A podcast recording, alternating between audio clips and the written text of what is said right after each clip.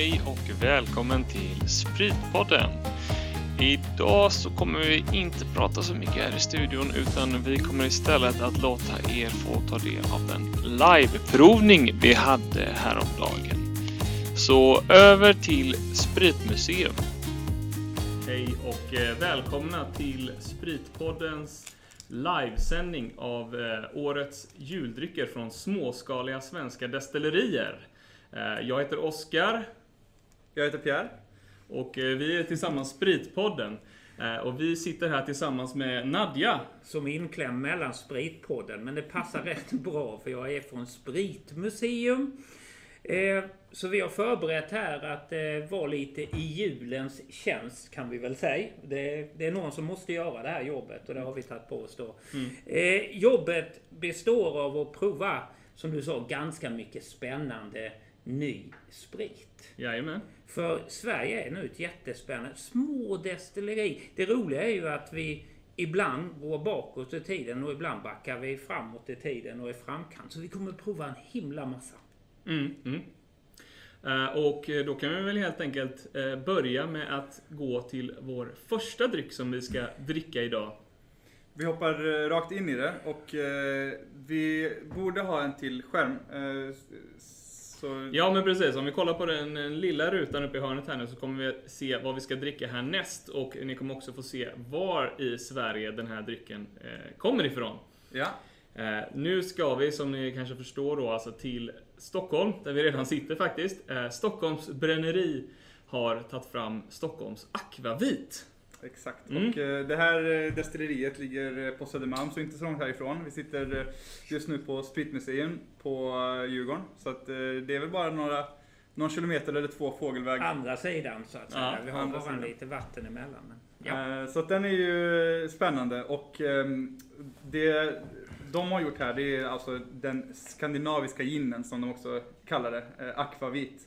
Och det ska vara en blandning mellan klassisk akvavit och klassisk gin och akvavit. Ehm, Och ska vara inspirerad av svensk sommar med eh, framt- eh, framträdande ton av färsk krondill.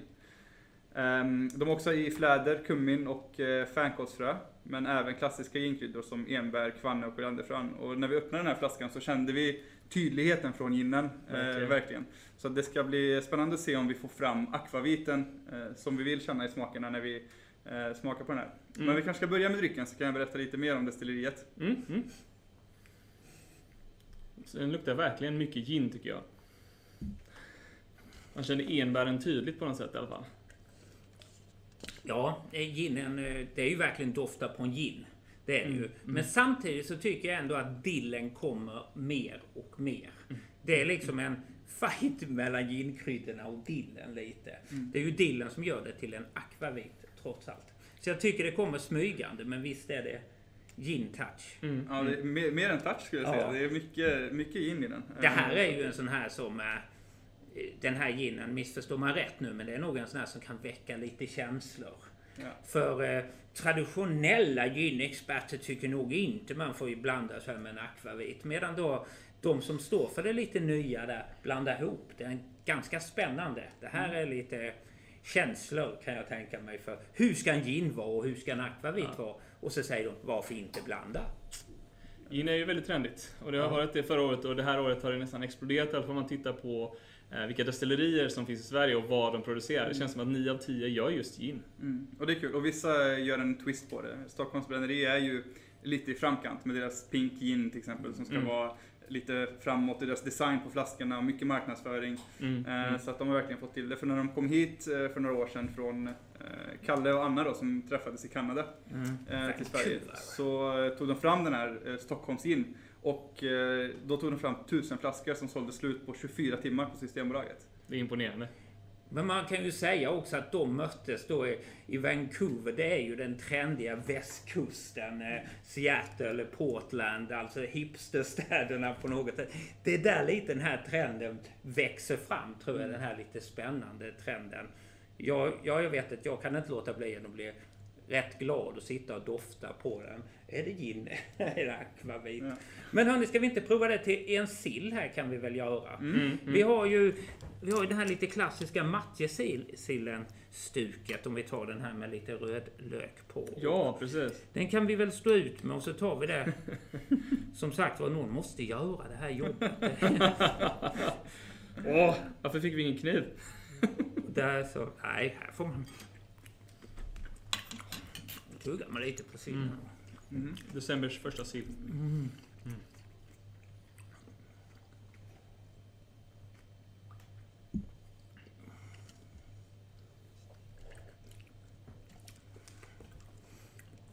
Ja, jag tycker faktiskt det funkar rätt bra. Ja, Men det är dillen tycker jag som gör att det funkar väldigt bra. ja, och vi har ju faktiskt förstärkt till och med med ännu mer dill på, Mm. på vår... Det är ju, men då kan vi väl säga lite att man ändå har lyckats med... Det är gin touch, men dillen gör den till en akvavit. Mm. Mm. Hade du någon mer fakta sånt där kring själva destilleriet? Alltså min, mitt favoritfakta kring destilleriet är att de eh, ligger i en gammal Jaguar-verkstad. Men jag är också lite bilintresserad, tycker det här är kul.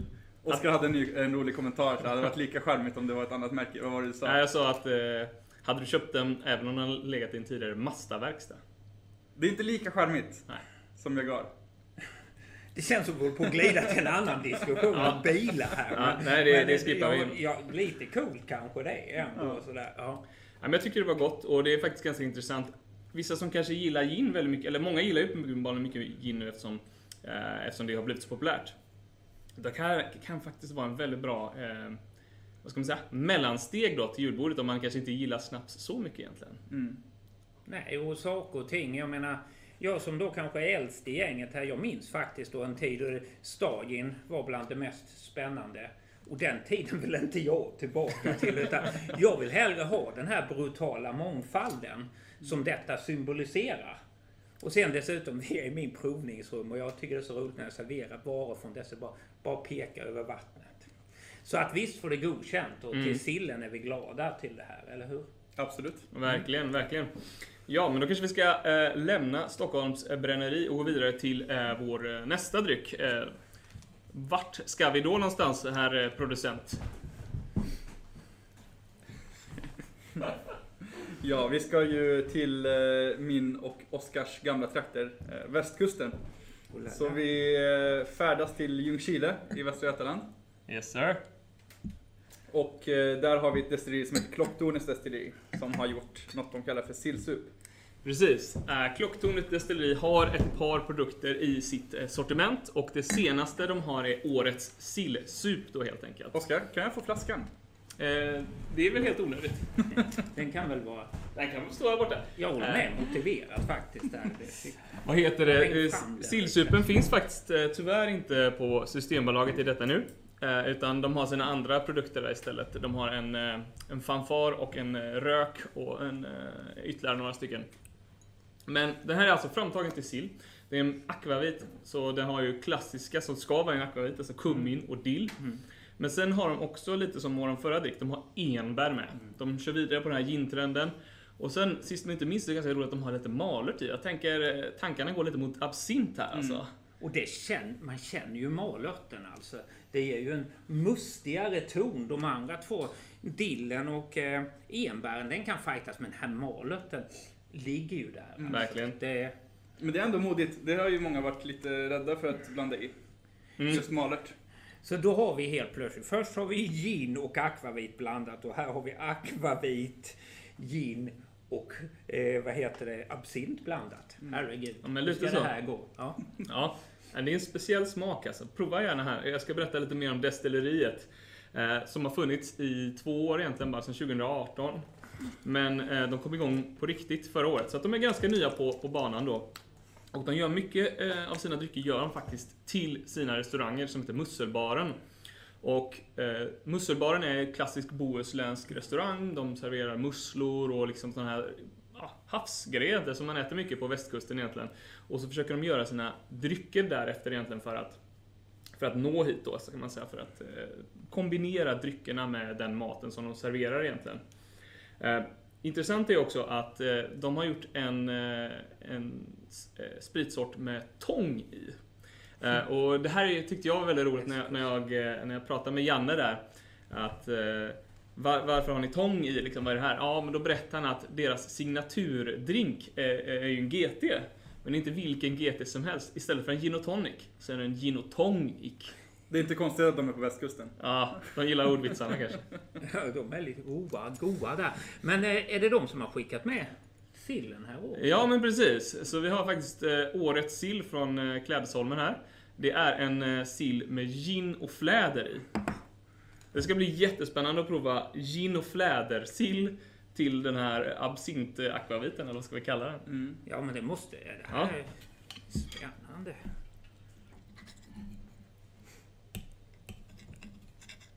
Det ser ut som att de även har enbär i sillen. Väldigt söt. Mycket fläder.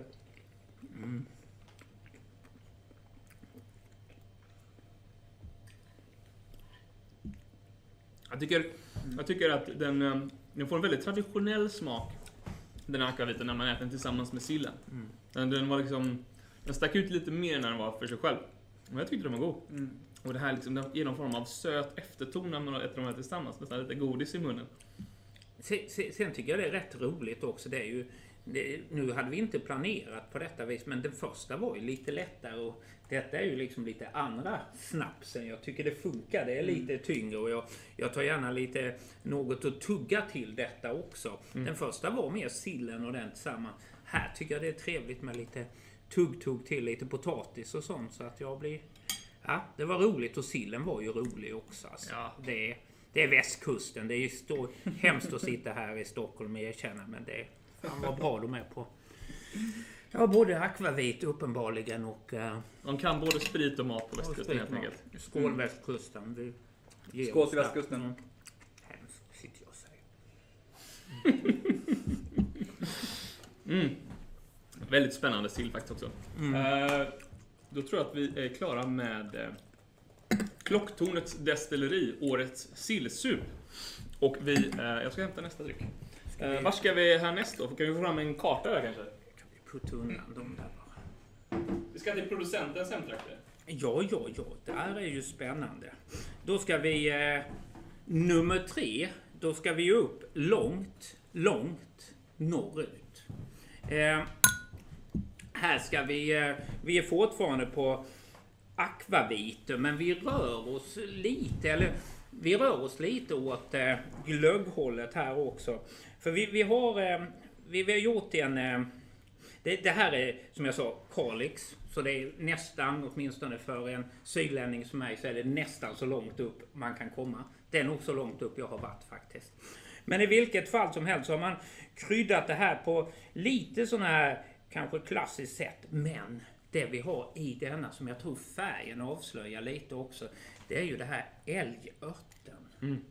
Älgörten är inte något som, som jag kanske är så van vid men det är en speciell doft. Och hade man varit norrländska nu och varit van att springa runt i Norrland på nyårsafton och sånt så hade jag nog fått lite midsommarminnen till denna. För detta är en sån doft av norrländsk midsommar. Mm. Och visst doftar det rätt härligt?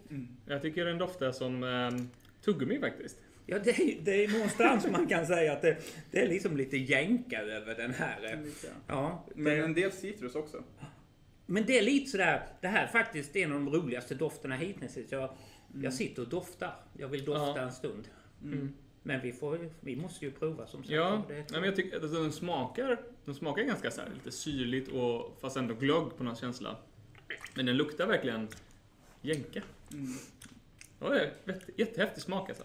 Det här är ju, det, det är ju mycket snällare smakmässigt och så vidare. Men det, det är ju det, det är ju gott det här. Här kan man ju liksom... Den som, som sitter kring bordet som inte... Nej, jag dricker inte snaps och såna här saker. Och så, det här är nog lite smålurigt att ta fram. För det här tror jag många som är lite emot vissa alkoholer skulle kunna tycka var gott. Mm. För det är gott. Intressant är ju att det, det ska vara gin i den här. Ja. Hur mycket ginsmak känner ni? Ah, den är ganska undangömd den, Ja. Eller? Alltså man kanske kan ana en ton av enbär liksom, men det är verkligen inte som att dricka en, en Gordon London Dry eller någonting sånt där. Alltså, utan det är väldigt eh, undangömt som du säger.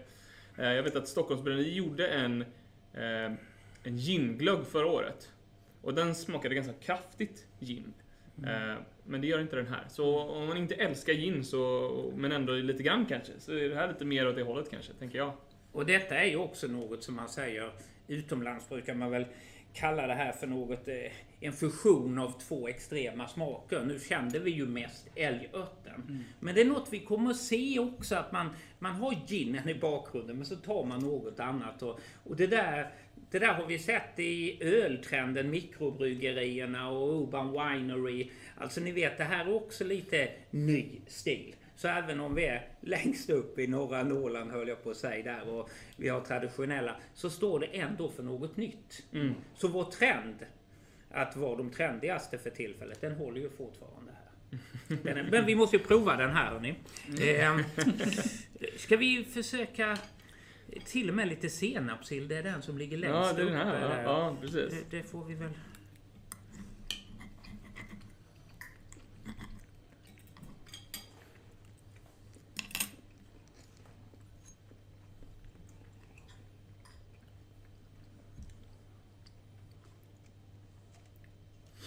Det är ju skillnad alltså. Det, Mm. jag tycker...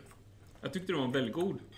Men jag vet faktiskt inte om jag skulle dricka den till sillen, utan jag skulle nog ta den innan eller efter faktiskt. Ja, det, Eftersom det- den var ja. så söt. Ja, men den, jag, jag känner att den skulle passa rätt bra till eh, julfika. Ja, absolut. Lussebullar till det här kanske. Mm. Ja, och rent av den här skulle jag nästan kunna bjuda på det första jag gör när någon kommer hem till Mm. mig. Det är liksom eh, när man tagit av sig jackan. Välkommen! Nej, men är ni med på det här är ju en mer rolig, det är diskussion. Ja, jag tycker det här, ja. Men hur kommer det sig att man inte värmer den här då? Varför dricker vi den eh, kall? De har ju eh, sagt liksom det här med servera kall. Och det är väl en sån här grej som jag tror vi också får eh, vänja oss vid att vi... Ja men tittar ni på denna så är den lite grumlig, ofiltrerad. Och det är liksom den här stilen. Vi vill ha alla smaker. Mm. Och vi vill inte gömma det bakom massa sötma. Vi vill inte gömma det bakom värme och såna här saker. Jag menar, glögg, det är ju... Ja, namnet bestyr väl glödgat vin som Mm, dök upp här i Stockholm kanske på 1600-talet, blev folkligt på 1890-talet.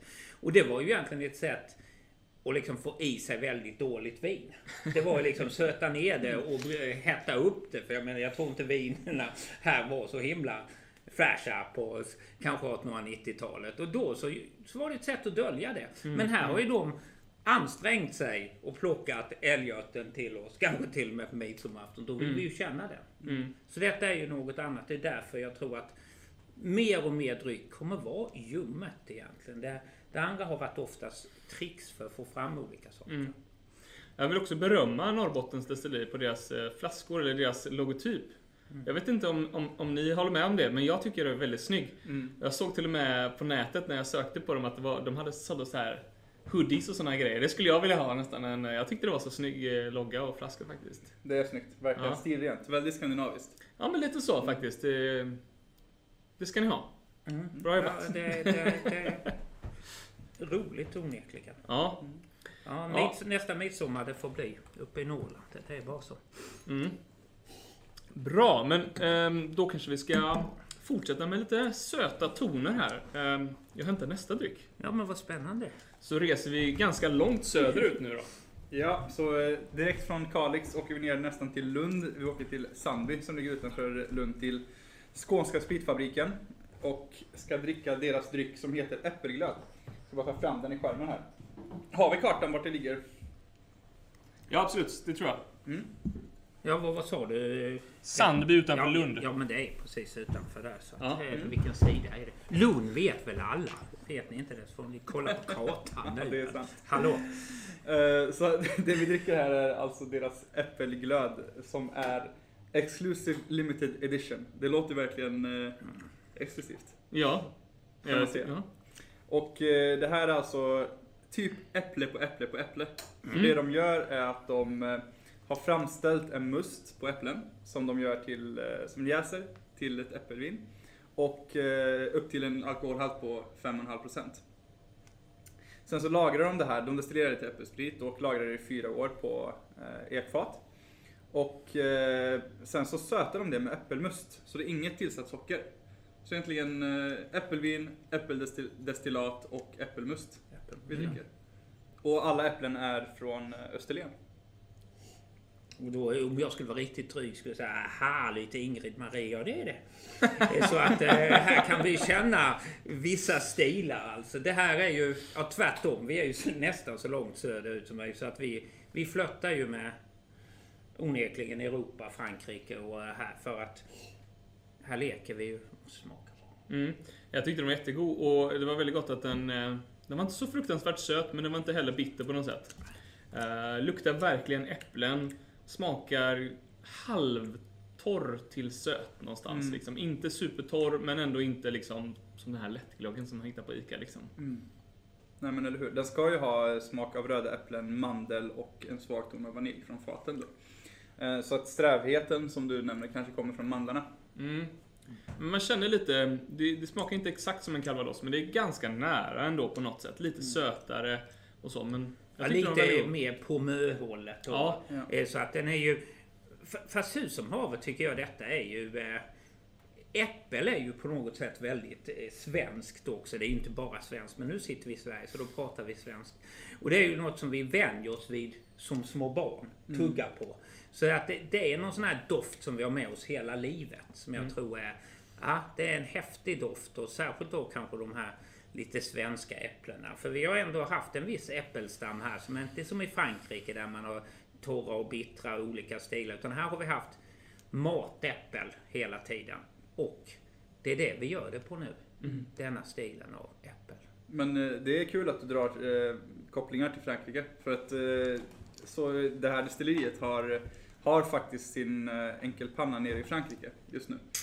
Ehm, och eh, det var där de började. Ja. De var att testa sig fram. Och de ska flytta hit eh, sin panna. Till, Så det är inte eh, riktigt svenskt Sandvik. det här ännu då? Alltså. Nej, det är en liten fusion bland, mellan Frankrike och Sverige. Ah. Och det har lite grann historien att grundarna då var, jobbade med Moet och Chandon för att egentligen hjälpa till att bygga varumärket Chandon under en tid. Mhm. Och de gör ju eh, både alkoholfri gin och tonic som, eh, som trendar supermycket och säljer jättemycket Mm. av. Och eh, även calvados, äppeldestillat, pomå, glögg och i år handsprit. Mm, såklart. Alla blir kända genom sin fantastiska handsprit. det är verkligen en ny marknad Ja, som har kommit detta tragiska år. Eller hur? Men, eh, men detta är... Det är kanske lite smådrygt att säga, men tittar ni på detta ganska vackra dryck. Det är lite så den smakar. Det är lite feta, det är fylligare. Men det är inte ett destillat rakt upp och ner. Utan det är ju faktiskt lite glöggtoner på något sätt. Men det kvalar in i Spritpodden eftersom det är visst destillat med, eller hur? Absolut. Och som sagt var, någon måste, någon måste ju prova det. Ja. Nej, men jag tyckte det var jättegott. Jag kan absolut tänka mig eh, dricka det här till eh, ja, men på jul liksom. Så vi får slåss om den här flaskan sen efteråt, tror jag. Det är ju nästan så att jag tycker den här skulle jag nästan ha efter sillen. Mm. Det är mer liksom och... eh, Har vi Ja. smakat den till någonting? Nej, Men vi får göra det då. Mm. Vad säger vi? Eh, Vilken sill har vi kvar? Nej men den har ju lite sötma. Senapssillen var ju lite tuff. Vi tar senapssillen igen och ser om den kan mjö- myt- möta det här med sötma. Mm.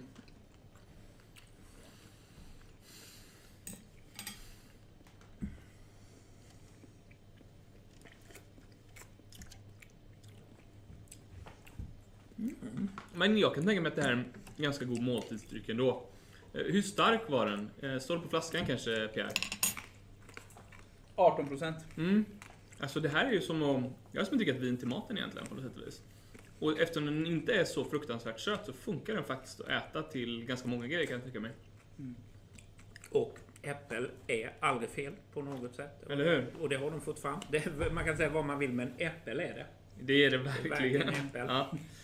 Ehm, bra, men då går jag och hämtar nästa dryck. Eh, så ska vi vidare till eh, nästa ställe. Till bekanta trakter. Jag Ja. och eh, Oskar var och hälsade på Jonas på Tevsjö Mill and Distillery eh, i Järvsö för, i somras. Och eh, här ska vi testa deras brännvinsglögg. Ska vi se, vilken är det jag ska Nej, det, ha alltid, nej, du ska inte ha något. Allt ska, Allt ja, det, det, det är bara Oskar här som samlar på sig. Jaha, ja, jag, kan, jag ställer ner de här bara så länge då. Ja, eh, nu ska vi alltså till, eh, ställer upp flaskan här ska ni få se eh, på Jonas eh, svägerska tror jag som gör den här loggan. Eh, nu ska vi till eh, Tevsjö destilleri som ligger i Järvsö, Gävleborg, en bit upp från Stockholm, cirka tre timmar. Och eh, som Pierre sa så var vi där, jag har varit där två gånger själv, en gång med Pierre, en gång innan. Eh, och Jonas han är, han är det roliga originalet, han är så rolig att ha att göra med. Eh, han älskar att koka sprit och han gör det på alla möjliga sätt. Det finns liksom inga gränser på vad han kan tänka sig prova. Vilket jag tycker är väldigt kul med, med, med honom då. Det är säkert många andra destillatörer där ute som, gör, som liksom tänker precis som han, som inte har hunnit besöka än. Men, men vi har haft väldigt kul tillsammans med eh, Jonas uppe i Tevsjö då, i Järvsö. Eh, och här så kommer han egentligen med en brännvinsglögg. Eh, och han, här har han försökt göra en väldigt klassisk kryddad eh, eh, glögg. Ehm, men den är också baserad på blåbär, så jag vet inte, det kanske är klassiskt med blåbär i glögg, jag vet inte. Men, men det är lite roligt tycker jag, att han, han slänger i blåbär för att få en liksom, touch, men säger samtidigt att den är lite klassisk. Eh, och så att säga, han vill liksom göra den, den äkta varan. Och Tevsjö är ju kul på det sättet att Tevsjö har ett destilleri och en kvarn, som ni hörde vad Pierre sa, Millen Distillery. Alltså de har en kvarn, så att när de Eh, ska göra sitt mjöl som de gör i sin vardagliga verksamhet egentligen och säljer där uppe och kanske även här nere. Jag har inte sett det på affären här, men de säljer i alla fall sitt mjöl och lite andra produkter. Då kan de veta från det där fältet där Börje har sin gård, därifrån kommer det här. Och på så sätt så kan de, kanske de enda i Sverige som kan det, spåra verkligen att därifrån kommer den här råvaran till den här spriten. Vilket är ganska unikt i alla fall. Jag vet inte om det är helt unikt, men det är väldigt eh, intressant tycker jag. Det är, ju, det är ju verkligen hela vägen hem. Mm. Här har vi liksom, får vi hela bandet på något sätt. Och, och jag tror eh, det här med traditionellt. Ja, det, detta är nog det mest, tycker jag, hittills traditionella glöggen. Sen, sen så får man väl säga att jag tror också att eh, nu sitter vi Ja, ni är lite västkusten och jag är definitivt södra. Ju högre upp vi kommer desto mer dominerar blåbären. Det är mer naturligt för dem. Det, det har, vi har gjort viner och sånt på den typen av bär förr i tiden. Vi kallade det för fönstervin och sånt. Mm, mm. Så det är verkligen, blåbären passar in här. Men det, det här är ju verkligen glögg. Verkligen. Vi, vi, vi smakar, jag ska berätta lite mer om vad det är i, men man känner verkligen tydlig julkänsla när man doftar bräd. Det lite, måste vara oh, ja. nejlika i liksom, eller hur? Kanel kanske också. Men ja, kryddnejlikan är eh, supertydlig. Sen har vi väl en liten hälsning från södra södra Europa tror jag i den också. Är det så? Ja, jag tror det. Fick för mig någonstans att det var en liten sherryton i denna också någonstans. Mm. Man känner, man känner den är inte så himla mustig, utan den är ganska lätt. Eh, den doftar ganska sött. Man känner liksom när man dricker den att det är lite som en blåbärssaft som är liksom kanske grunden eller liksom, man får lite toner från det i alla fall. Eh, man kan säga mer om Tevsjö att eh, de grundade destilleriet för, ja men var det, men åtta år sedan eller sju, åtta år sedan nu. Och de har kokat sprit sedan dess och det roliga tycker jag i alla fall, att finns för att alla destillerier i Sverige gör inte sin egen sprit. Det är faktiskt, jag vet inte om man tycker att det ska vara viktigt att veta det, men om ni går ner på Systembolaget och köper vissa spritsorter så kan den faktiskt vara gjord på Tevsjö. För han kokar sprit åt en mängd olika varumärken som har blivit ganska framgångsrika. Vilket jag tycker är jättekul. Mm. Ja, det är ju framförallt ginen får man ju säga där som många gånger köps som en färdig sprit och sen destillerar man om det med sina kryddor. Ja, men han gör det också. Ja, jag vet. Han mm. gör ju hela vägen. Ja. Men det är ju det som gör detta lite unikt. Mm. Utan, eh, ja, han, han, ja, dels, dels det du mm. förfrågasätter det här ja. Nadia. Dels det du säger att många köper in sin färdiga etanol eller sprit från ett större destilleri med en stor kolonnpanna. Men vad Jonas också har gjort, det är att han har kokat en sprit, satt på en etikett där det står liksom ett helt annat landskap och ett helt annat namn och sen får de kränga den bäst de vill. Så att de har egentligen inte så mycket inblandning förutom att de driver varumärkena framåt. Va? Så att jag tycker det är väldigt intressant att Jonas hjälper många olika svenska spritsorter på, på vägen framåt. Eh, och han gör väldigt många olika roliga smaker också. Ja, och sen om vi håller oss till hans egna grejer också så är det ju ganska mycket spännande. Jag var nere uppe i Dalarna i somras och då visade det sig att en knäckebrödproducent där samlade sitt mm. överblivna knäckebröd, skickade ner det till Tevsjö och så gör man en sprit på det. Och det är också framtiden, att varför ska vi slänga gammalt bröd när vi kan destillera mm. det? Mm. Och det är, så att ja, det här destilleriet står för äh, mycket nytt. Mm. På, på och lite ett, hållbarhetskänsla där. Ja, hållbarhetskänsla. Ja, men vi smakade vi på knäckebrödsbiten när vi var där. Ja, ja. ja. Ja, men det, det, det är smarrigt det här. Mm.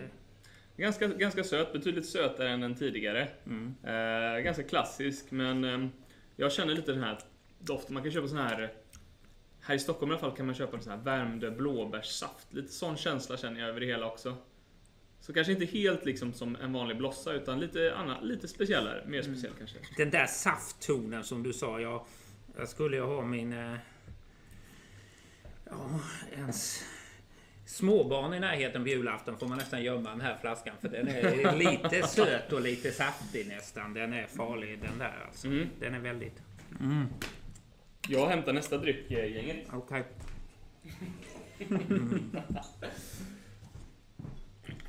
Nu kommer vi till ytterligare en, en väldigt vacker flaska. Jag la faktiskt upp det som en Insta-story när vi fick den här hemskickad till oss. Mm. Ehm, nu ska vi västerut, från Stockholm sett i alla fall, eh, till Örebro-trakten, eller hur? Lala. Ja, det är väl det som är på etiketten här. Mm.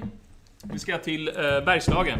Härligt. Bergslagens destilleri och deras Å helganatt. Eller hur? Och Mm. här eh, är ju en eh, snaps, en djursnaps, som är kryddad med klassiska djurkryddor. Eh, som ja, med kardemumma och pomerans. Mm. Ja, klassiskt kan vi väl Mm. säga. Inga fjäskiga safttoner här utan... Där hade jag ju kunnat... Är den stark? Den luktar ganska starkt. Ja. 40 procent. Jo, men Ja, det- Det är en riktig, rikt, en riktig snaps så helt enkelt. Riktig snaps. Nej, snaps fick ju vara lite vad de ville va, nästan. Inte exakt va, men eh, det är akvavit som måste vara över 37,5 om jag inte missminner mig nu. Men... Men det här, det här är ju en snaps på något sätt. Man, eh, här sitter vi och smuttar på den. här ska man ju mer snapsa höll jag på att Ja, säga. men. Och, och sitta ah, efter där och säga den var bra i det benet och sånt där. Men, men den är ju... Ska Ja, vi prova en söt currysill då till den här lite spetsiga snapsen då kanske från, från Örebro? Ingen dum idé.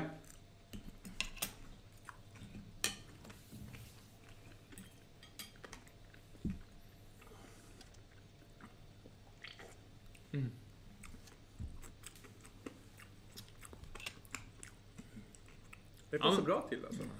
Precis. Eh, flaskan är intressant också. Ska inte du berätta lite mer om, Jag ska berätta om, den? destilleriet Ja, och, eh, och eh, flaskan. Eh, Så det här är ett ganska ungt destilleri som har funnits sedan 2014 i Örebro. Och de gör framförallt egentligen whisky och gin, men kände att de ville ha en snaps som går att köpa på, på systemet för lokala örebroare. Eh, Och det är väl en kul, kul idé. Och, de, och det landar ju mycket i det här med att man försöker gå tillbaka till traditionella och människor vill eh, eh, dricka lite mer snaps nu. Och det börjar komma tillbaka att man utforskar det här svenska eh, mer och mer.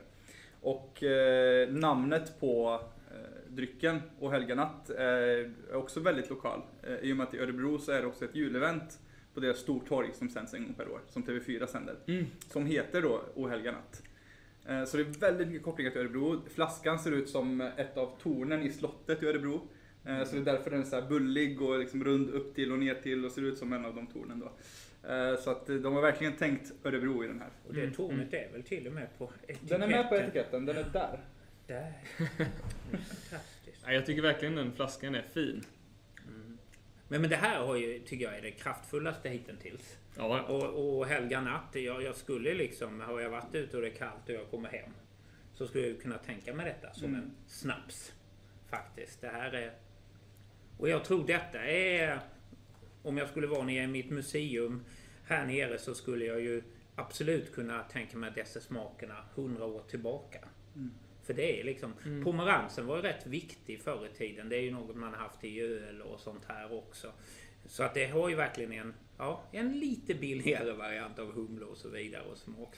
Och vi har ju alltid gillat pomerans i våra akvavita. mm, mm. Så, så ja, bra. Men vad kan man säga mer om den här drycken? Ehm, om man jämför den lite med, med andra snaps så tycker jag att den, den, den är inte superkryddad.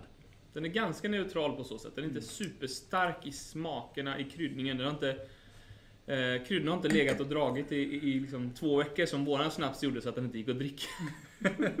Exakt. Det var di- ditt misslyckande. Ja, det var mitt misslyckande. I ett tidigare Spritpodden-avsnitt så gjorde vi en eh, snaps som, eh, ja, det smakade som att det brann i munnen. Så stark blev den av de här eh, kryddorna vi hade i och lät det dra liksom.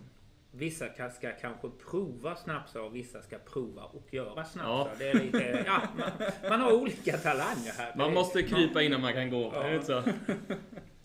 Eller? Okej, ska vi lämna Pennybridge, Örebro? Eh, Och gå vidare till nästa dryck. Låt mig hämta nästa dryck. Nu börjar de stå lite närmare här. Ja, det, spännande. Jag tycker, den här drycken tyckte jag var väldigt spännande just på grund av dess färg faktiskt. När jag eh, hällde upp den här förut till, till oss allihopa.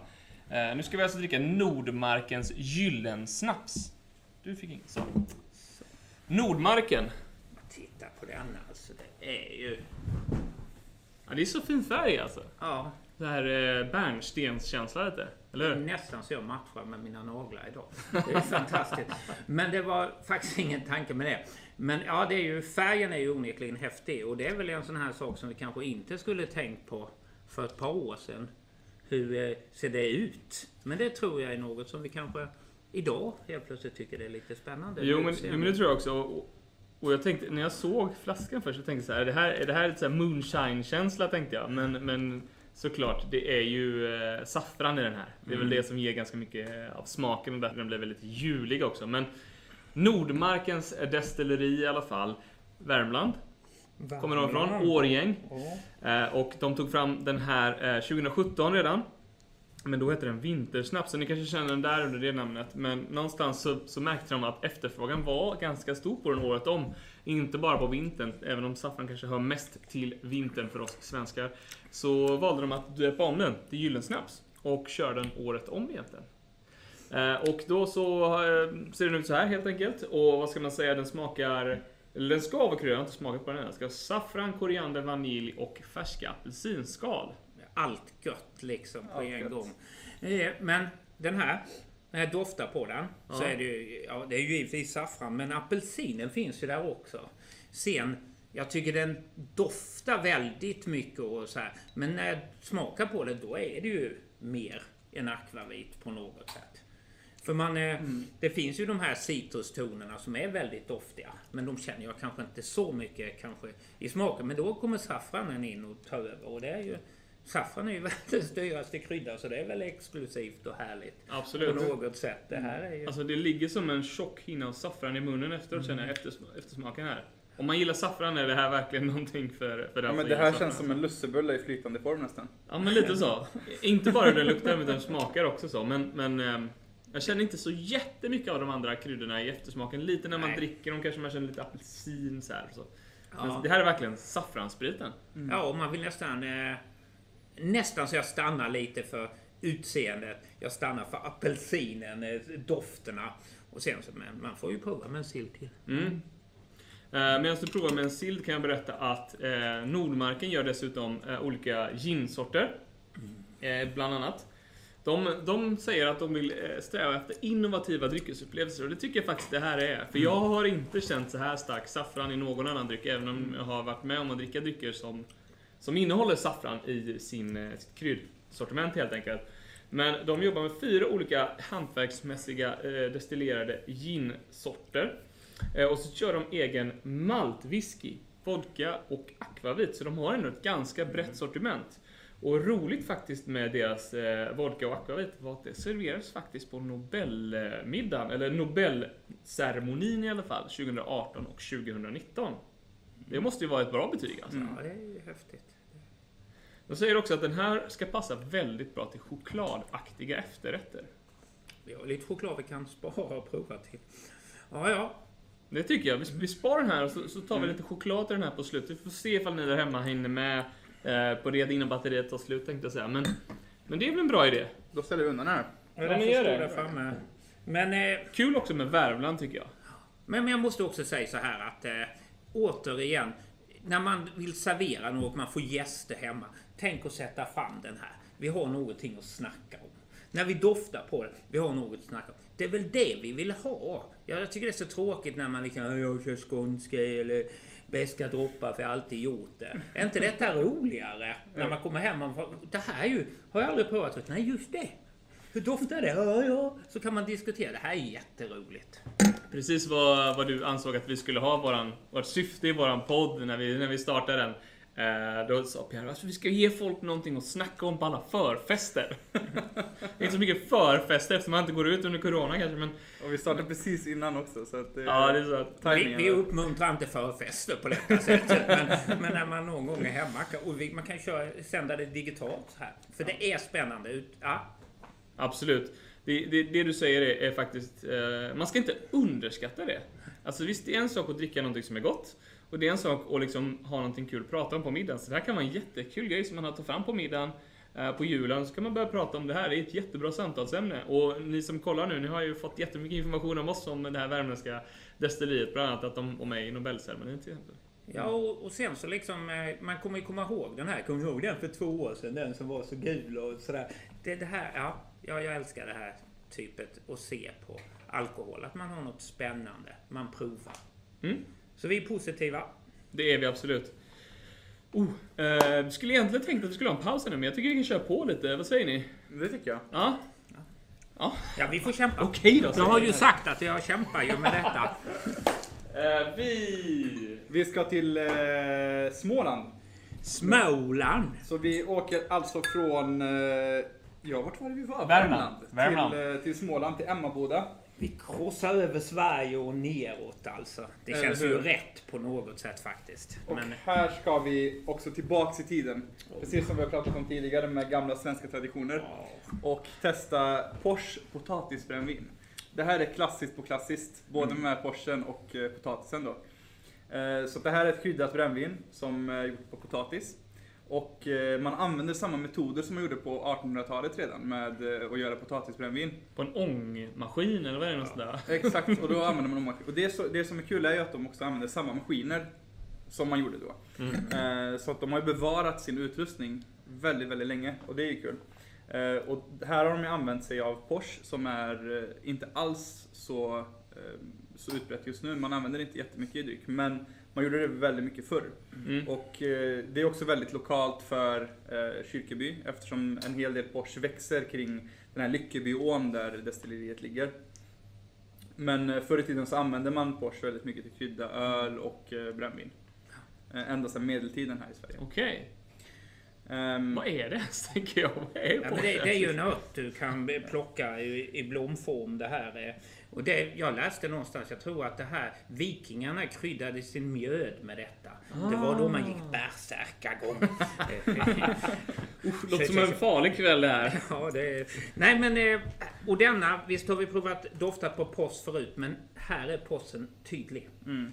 Och alltså, ursäkta jag säger det, men jag bara nästan gråta lite över det här. För det är häftigt att vi gör potatisbrännvin igen. Alltså, det är ju jättehäftigt. Här reser vi verkligen i historien. Men vad, Pota- hände, vad hände? Vad hände? Vad- vad- Stoppa det där för att alla hänger med. Ja. Så, så vi gör, nu gör vi på potatis. Vad hände däremellan? Varför slutade vi? Vad gör vi det på? Vad, vad gör Pernod Ricard Absolut Vodka på? Liksom? Skånskt vete och lite halländskt har jag för mig. Men eh, i vilket fall som helst så kan man väl säga att eh, ja, när vi EU fram och tillbaka, men EU tycker att vodka då sen några år tillbaka ska vara spannmålsbaserad. Medan då norrmännen eh, som då som bekant är utanför EU, de håller på lite med potatistraditionerna medan vi har nästan helt fått bort det. Men potatisen är ju, ja men det är ju så häftigt på något sätt för att så länge svenskarna då odlade spannmål 1700-tal sånt då, då fick vi verkligen välja. Vill vi ha sprit? Eller vill vi ha mat? Och det, man, ja, förhoppningsvis väljer man ju mat där. Men, men sen kom ju det, det som har räddat hela västvärlden om jag ska vara drastisk. Det är potatisen. Det kommer från Peru. Utan den så hade faktiskt e- Europa svultit fortfarande. Det är majsen och, eh, och just potatisen har ju räddat oss från att svälta. Och det så var det ju en, en kvinna som kom på det, man, De la Guardia som kom på det, att man skulle destillera det här. För det är lite krånglig process. Det är det du berörde lite, att det är inte så lätt att få potatis och jäsa och sedan destillera det. Men här gör man det i Småland och det blir... Ah, det är verkligen en historisk resa vi doftar på här. Mm. Och nästan hemma också, det är ju fantastiskt. Nej, men vi, när vi var uppe på Te- Tevsjö så berättade Jonas att man testade ju att eh, jäsa potatis. Och eh, i och med att han inte hade gjort så mycket förut så var han inte beredd på vad som skulle hända och liksom hela karet bara forsade över och det började liksom rinna ner till våningen under. Och, eh, det är lite annorlunda än att eh, basera på korn och bete. Mm. Men det är ju rätt kul med det här destilleriet som har funnits sedan 1771. Så det är väldigt, väldigt långt tillbaks i, i tiden och de fick tillstånd att fortsätta sin produktion av Gustav den tredje. Så när man kom med förbudet i Sverige av att, eh, av att man ska ha ett privat bränneri Mm. så mm. fick de ändå frikort till att fortsätta sin produktion. Det är kul. De måste varit bra på det då. Ja, Finkelfritt. undrar vad incitamentet var. Det är ju det man må- måste gräva i lite grann. Ja. Men sen höll de på i 200 år till. Mm. Och 1971 så la de ner destilleriet och öppnade museum. eh, Och hade det fram till eh, egentligen 2017. Och då öppnade man upp igen och började eh, göra samma sak som man gjorde förr. Mm.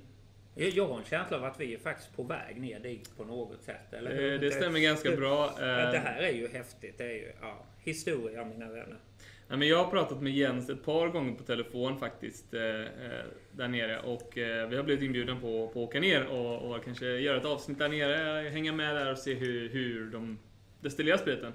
Eh, så håll utkik eh, efter det i Spritpodden framåt för att vi är sjukt taggade faktiskt Mm. på att eh, åka ner dit och lära oss mer om just den här konsten, hur den skiljer sig egentligen mot Ja. ja. den vanliga spritkonsten, eller vad ska man säga? Mm. Mm. Eller hur? Verkligen. Och vi kan ju prova lite sill till på något Mm, sätt. mm. Får vi väl... Jag tror det är senapssillen. Hur stark var den här Pierre? Du som har flaskan där borta. Denna är 36%. Mm. Ja, det tycker jag man kände lite att den inte kändes... Den brände inte supermycket. Det var mycket smaker, men det var inte superetanolig så att säga. Mm. Vi tar, vi tar en, eh, snabb paus. Åter, återvänder alldeles strax igen.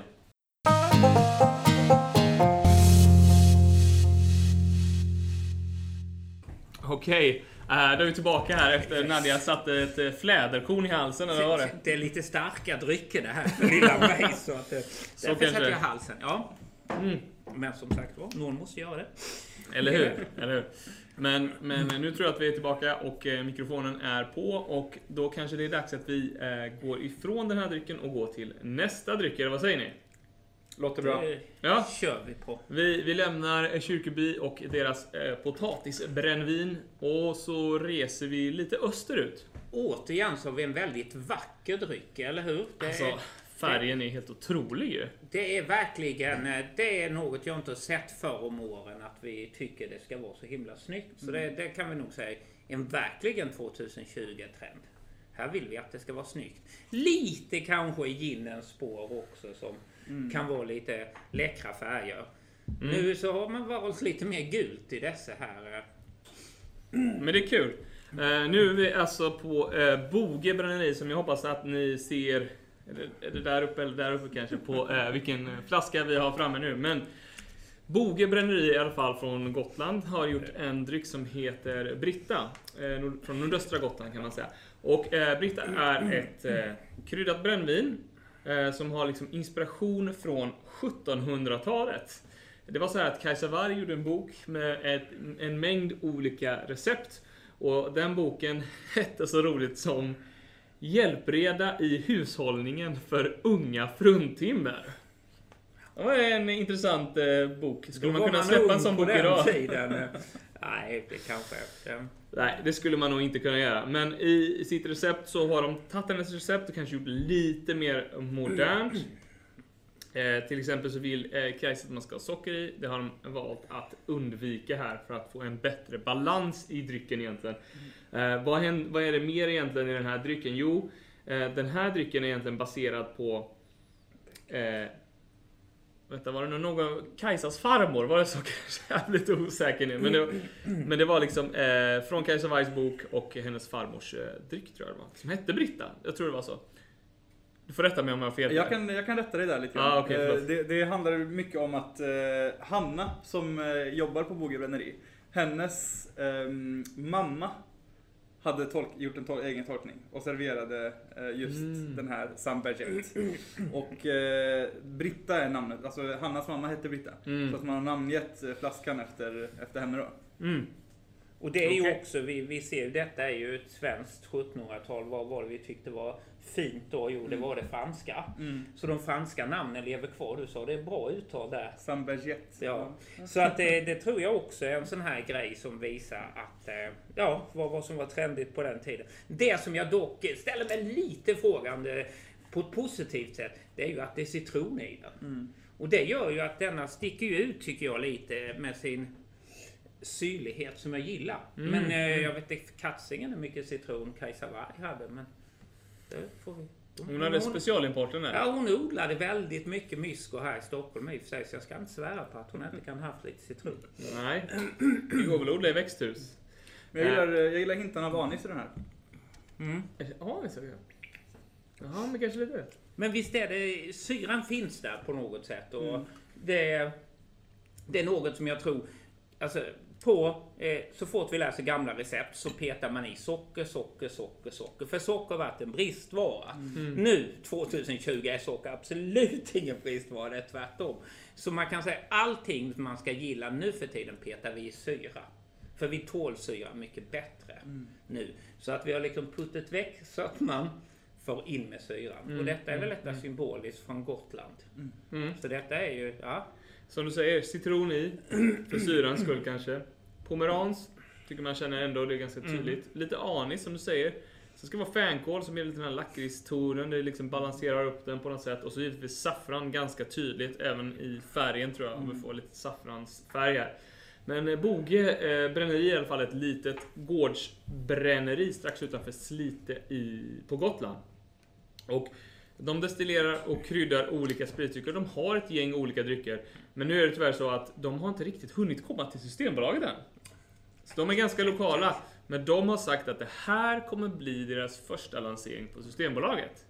Och det tycker jag är kul. Och ni kanske såg bilden där förut. Jag vet inte, vi hade en bild på en panna eh, från, från det här som jag hade liksom nallat från deras Instagram. Ni kan ju förstå liksom att de är lite så här eh, homegrown känsla. Eh, inte så storskaliga, inte än i alla fall. Men kanske kommer de bli det efter det här ifall eh, eh, försäljningen går i taket. Det är jag ganska spännande dryck ändå tycker ja. jag. Och jag måste då ge beröm åt eh, många av de andra dryckerna vi har provat här har haft en tydlig grund. Här skulle pratar jag om balans. Mm. Ja, jag känner liksom ingen dominans av något. Mm. Det är balanserat och skickligt. Så bra Britta! Den är inte dum den här alltså. Den är balanserad alltså. Det, det, är, det är snyggt. Mm. Det är verkligen ett snyggt hantverk. Den är faktiskt ganska balanserad faktiskt tycker jag. Sticker Ja. inte iväg riktigt sådär. Men den är bra. Ja, det är snyggt och eh, ja, det mest eh, österländska vi provar idag, eller hur? Ja men det blir det absolut. Den- Eh, Den är lite starkare i tonerna. Om, När Mm. vi pratar om snaps just då. Om man vill ha en, en snaps som är lite stark liksom. Som de flesta snapsarna som vi faktiskt dricker är liksom. Lite kraftiga så här. Ja men då kanske det här är en bra koppling liksom. Och just där färgen är kul. Saffrandoften är kul. Mm. Ja, och det är en eh, ganska tydligt resmål. Alla har vi på något sätt ett förhållande till Gotland trots allt. Tror Mm. jag att man har. Man vill dit på något sätt. Det ligger där. Gotland har ganska många roliga saker, dryckeshistoria. De hade ett undantag och fick göra öl när resten av Sverige var förbjudet för det och så vidare. Gotlandsdricka och sånt. Så de, Mm, de har mm. liksom haft en liten Hansa-känsla trots allt. eh. Så det är en, ja, en annan värld. Verkligen. Mm. Det känns inte som att vara i Sverige när man är där på sommaren tycker inte jag. Det enda, det enda som är svenskt är att de pratar svenska. Ja, ja. Det känns ganska exotiskt tycker jag. Min brorsdotter är där och pluggar nu. Skål på det Alexandra. Eh, Vi fick en Så kommentar här också. Det står att eh, citron och pomerans fanns faktiskt i originalreceptet från 1755. Ja, så så, ja. någonstans fick Kajsa Warg och sina det är väl då citroner. odlat inne i eh, växthus måste det vara. Säkerligen. Jag vet inte. Hur, var det långa transportvägar så citronen höll inte va? Ja, det, det kan du väl få tror jag. Men, eh, men där, jag tror jag har läst någonstans att de höll på väldigt mycket med växthus också. Mm. För det kan vi ju vissa Absolut. få. få det är absolut så. Absolut, absolut. Så vi betvivlar varken Kajsa eller Britta här. Utan eh, ja, Mm. vi konstaterar. Spännande. Okej. Då, då tror jag att vi är klara med Gotland. Ska vi eh, gå vidare lite? Åt vilket håll ska vi nu, Pierre? Vi Vart ska- är vi på väg? Vart är vi på väg? Sydväst från Gotland i alla fall, så vi ska ner till Skåne igen. Mm. Vår, eh, blir det vår andra av tredje dryck från Skåne för idag. Eh, och här Andra ska av vi, tredje. Ja, vi har tre eh, Skånedrycker idag. Ja, ja, ja. Så här ska vi alltså till Snälleröd i Skåne. Och eh, där har de tagit fram ett pack med, hur många är det? Fem olika flaskor? Det är fem olika, två gånger varje. Och vi tog fram eh, vår favorit som är eh, Pontus Fritjofs. Lite mer eh, speciell, lite unik. Eh, det är grönt te och sichuanpeppar i den. Eh, så det ska vara lite mer så här, modernt och man har tagit in eh, österländsk tradition. Och, jag tror att det kan vara det kan vara en spännande ny smak jämfört med det vi har druckit Mm. tidigare. Den ska passa bra till eh, sushi framförallt. Då. Mm. Men grönt te känner man ju verkligen här. Alltså det är ju... Ja. Men det du säger är att vi, de har tagit fram, alltså, vi kan nämna det lite. Snälleröds eh, gör en del olika spritsorter, absolut. Men i det här fallet, i den här Krögarsnaps, så, så fint som den heter, eh, så har de tagit in fem krögare som själva får välja hur skulle du vilja att en snaps ser ut? Och eh, en av de här krögarna var då alltså Pontus Fritjof, eh, känd krögare som, som driver diverse krögerier, tänkte jag säga, restauranger. Eh, och eh, här är hans eh, svar på hur han vill att en snaps ska se ut. Och smaka Och smaka. och lukta. Och, och så vidare. Och man kan ju, kan man tänka det var en tosing där, men det är faktiskt, det för ett tag sedan så lämnade Mackmyra en whisky som hade legat på fat som hade haft grönt te på sig och sånt där. Så vi kan liksom inte riktigt hålla oss ifrån det orientaliska, japanska, kinesiska. Den här tekulturen och även då peppar, Sichuan-pepparkulturen. Det är spännande.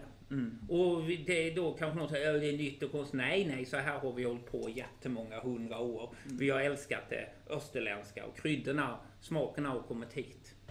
Så jag tycker det här är spännande. Eller hur? Och den, det är inte lika traditionellt juligt som mycket annat vi har druckit med liksom pomeransen och saffran och kanelen och, och så vidare. Utan här är det ju, har man undvikit en del av det. Eh, och just i den här snapsen så, så har man inte lika mycket regler som till exempel i akvavit. Akvavit ska det ju vara antingen dill eller kummin. Ja. Så att det, då blir det ju automatiskt mer juligt för det är det man kopplar till. Eh, här är ju liksom kravet att det ska vara en viss alkoholgräns, man ska ha mindre socker. Eh, blir det för mycket socker så blir det en likör. Eh, så att det är de förhållningsregler man får hålla sig till. Mm. Det här känns väldigt klassiskt på något sätt ändå tycker jag. Jo, men det, jag, jag tror du har rätt där. Vi, vi får liksom inte tycka att det är för vi har... Te är ju inget nytt i vårt land. Det, det, det har funnits en stund. Och, men hörni, är inte detta rätt spännande? Det är currysillen. Jo, Det måste vi nästan prova här. Det kan alltså. vi göra. Ja, det blir... Får vi se om Har jag något kvar det. Ute, ja, vissa tuggar i sig där. Sill gott.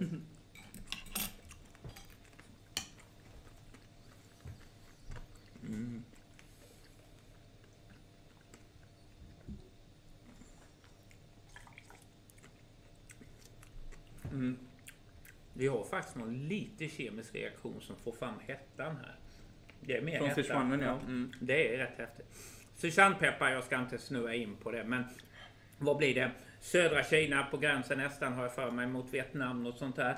Jag tycker egentligen inte om chili. Jag tycker det är rätt konstigt. Jag har aldrig förstått det. Men denna peppan har fått första gången. För den här peppan lyfter smaker. Det bränner inte väck smak utan den lyfter smaker. Mm. Sichuan är, ja, det är första gången jag är sugen på Kina på grund av denna pepparn. Alltså, jag skulle vilja åka dit och förstå Sichuan. För det är som speciell smak. Mm. Det är det. Verkligen. Och det som är lite extra spännande med det här eh, destilleriet är att det, det grundades för eh, 120 år sedan Mm. i eh, Skåne utanför Ljungbyhed, i Snälleröd. Då var det ett gäng bönder som gick ihop och fick för sig att destillera sina grödor. Så det är inte en, eh, en familj eller ett plantage, man har liksom blandat ihop Mm. en hel del från det området. Eh, sen höll man på i 70 år och så la man ner det 1971. Eh, och sen så börjar man igen 20 år senare. Så 91, ända sedan 91 har Snälleröd hållit på med i det här konceptet.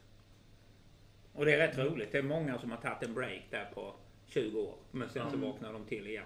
Och det gör väl ja, vårt jobb extra roligt. idag. Ja men precis. Ehm, och vi har faktiskt eh, lite mer dryck från dem. Eh, inte, inte nog med att de har de här fem stycken krögarsnapsarna så har de också ekosnapsarna som står längst bak där Per. Du kan lyfta fram dem om du är snäll så, så får du tittare gärna få se vad Snälleröd har att erbjuda. Men egentligen så, eh, så det är snaps de jobbar med såklart i det här fallet och eh, de har en mängd olika i sitt sortiment egentligen. Och vi valde just den här och jag tycker att det var ett ganska bra val för att nu sa du att du skulle äta currysillen men jag tyckte faktiskt det här är bättre till en senapssill alternativt stark whisky-senap till skinkan. Det är vad jag vill ha det här till i alla fall. Det, det roliga tycker jag är att jag känner när jag dricker den som den är så känner jag mest grönt te. När jag kombinerar den då så kommer sergeantpepparn fram. Mm. Åtminstone med currysill. Nu ligger smaken kvar länge. Mm. Så det, det hettar inte bara till utan det ligger kvar en stund. Det är det som jag tycker hetta är spännande. Mm. Mm. Mm. Vi provar även med den lite.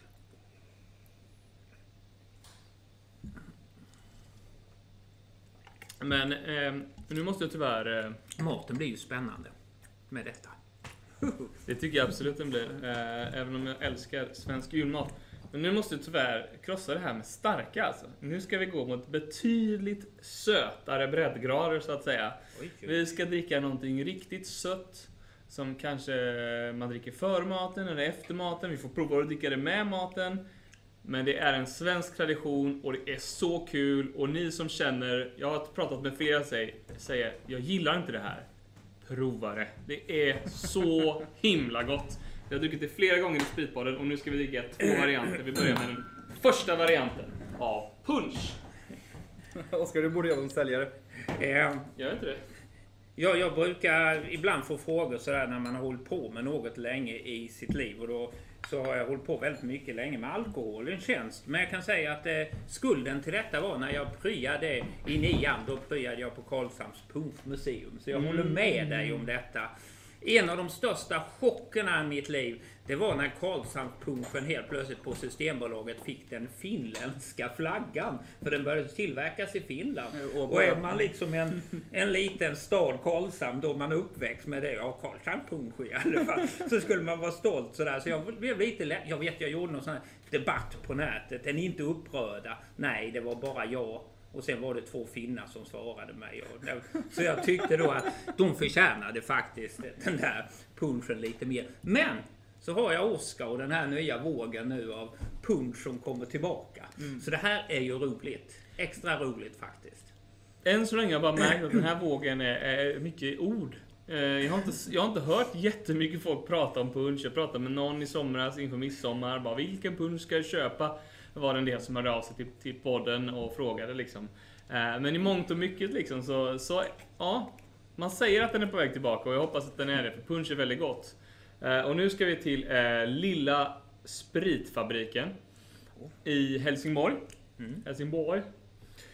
Och de gör inte bara punch, utan de gör även en akvavit som vi dessutom även har med här. Pierre kan ju visa den, den står längst bak till höger härifrån sett. Eh, men jag tycker att punch är liksom en väldigt svensk tradition. Jag drack det mycket när jag var student på Chalmers och KTH. Och då sjöng man mycket sånger och så här. Och någonstans är det så här. Ja, men när man kom utanför skolan så drack man inte längre.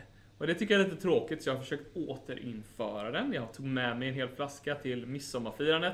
Och hör och häpna, den gick åt och det var inte jag som drack upp den utan det var faktiskt väl mottaget med punch. Så jag vet faktiskt inte varför folk inte köper punch i den utsträckningen man kanske borde. För det är så himla gott. Det, det är ju rätt roligt också. Punchen då är ju en arksprit nere från Indonesien. Som specialimporteras via Bolls i Holland då. Eh, det är de enda som importerar. För det är egentligen i Indonesien får man inte göra denna spriten. De är ju, har en annan religiös tro. Men då har gamla kinesiska familjer gjort det här. Så det är förbjudet från början. Sen kommer den till Europa hit och så blandar vi massor med kryddor som är inte från Sverige. Och så blir det den svenskaste drycken av alla. Det finns inte lite ett svenskt korn i denna höll jag på att säga. Men det finns nog inga. Det är bara vi och finnarna som dricker detta verkligen. Mm, mm. Så det är ju svenne på något sätt. Men det, ja, jag håller med. Det är ju, det är ju roligt det här mm, alltså. det är det ju. Mm. Men, eh, ja. Eh,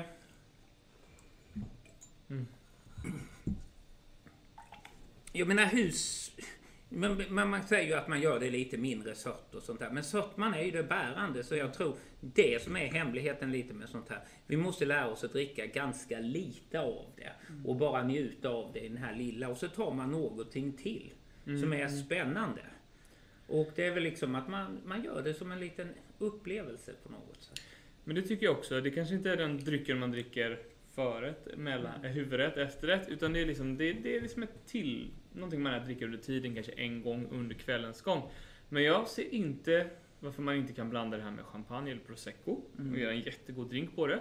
Och om vi tittar till exempel på hemglassbilen, nu vet jag inte om hemglassbilen har funnits i 500 år heller som mycket annat här. Men, men hemglassbilen har ju kört i alla fall de senaste 30 åren sin punschglass och den är fortfarande väldigt populär. Så punsch och glass är ju fantastiskt gott. Ja, men det är ju också i kylan då som glassen står för. För man ska överleva bakom den så det är rätt bra att ha sötma. Ja. Som punschen har. Ja, men jag- jag- är- jag- ja. Visst, visst, du får rätt i det Nadia, men jag tycker det är väldigt gott med punsch. Och jag kommer eh, fortsätta tycka det tror jag. Ja, ja, ja, och jag sitter ju och dricker det snällt här. Alltså, jag menar, punsch är ju punsch på något sätt. Det, om inget annat så gör vi ju en kulturgärning när vi dricker det faktiskt. Det här är, ja. Så Ja, vi, vi slår ett slag för det. Det är vi, det är vi överens om Mm. att vi gillar punschen på detta. Även om det är kanske mer något dessertaktigt som vi vill ha till den. Den, är ju, och den kommer ju på slutet här också. Mm, mm. Eh, nu kanske vi hoppade över ganska många saker här, men det här är i alla fall snapphanepunsch från Lilla Spritfabriken i Helsingborg. Eh, som smakar arrak, apelsin, smörkola och ekfat säger de då. Så men man kan känna lite vaniljtoner från ekfaten Mm. kanske. Arraken känner man utan tvekan i alla punschsorter egentligen. Apelsinen kände jag på doften tyckte jag och smörkola det är väl lite det som punsch är liksom nästan. Mm. Eh, Lilla Spritfabriken har funnits i, ja exakt hur många år? Grundades 2010 står det här. Så för i 10 år och de har börjat producera sprit i 7 år. Eh, Så de gör mycket annat, inte bara punch. De gör en akvavit som ni ser på er skärm och de gör även, eh, det finns även ett bryggeri i anknytning till det här som jag Mm. förstår det. Helsingborg. Ja. Ja, Ja. precis. Ehm, och ja, vad kan man säga mer? Jag tycker, jag tycker punch är värt att nämna. Så vi kommer inte bara dricka den här punchen, vi kommer dricka mer punch idag.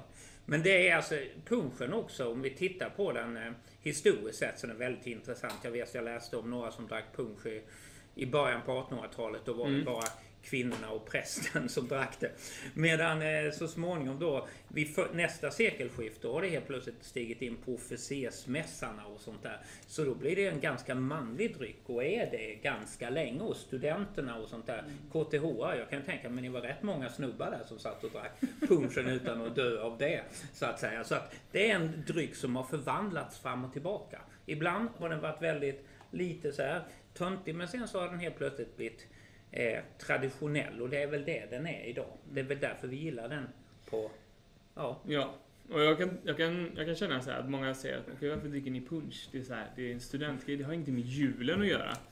Men, men jag håller på något sätt känna så här, varför äter vi skinka tre gånger om året? Varför äter vi ägg tre gånger om året? Ja men det är ju för en så himla svensk tradition liksom, att vi äter det på jul och midsommar och påsken liksom. Och vi dricker punch på jul, midsommar, påsken liksom. Så, att, så jag tycker det är väldigt svenskt och det jag tycker det hör till faktiskt. Och jag tycker det är väldigt kul. Och som jag sa tidigare när jag köpte punch inför midsommar så var det så att det gick åt.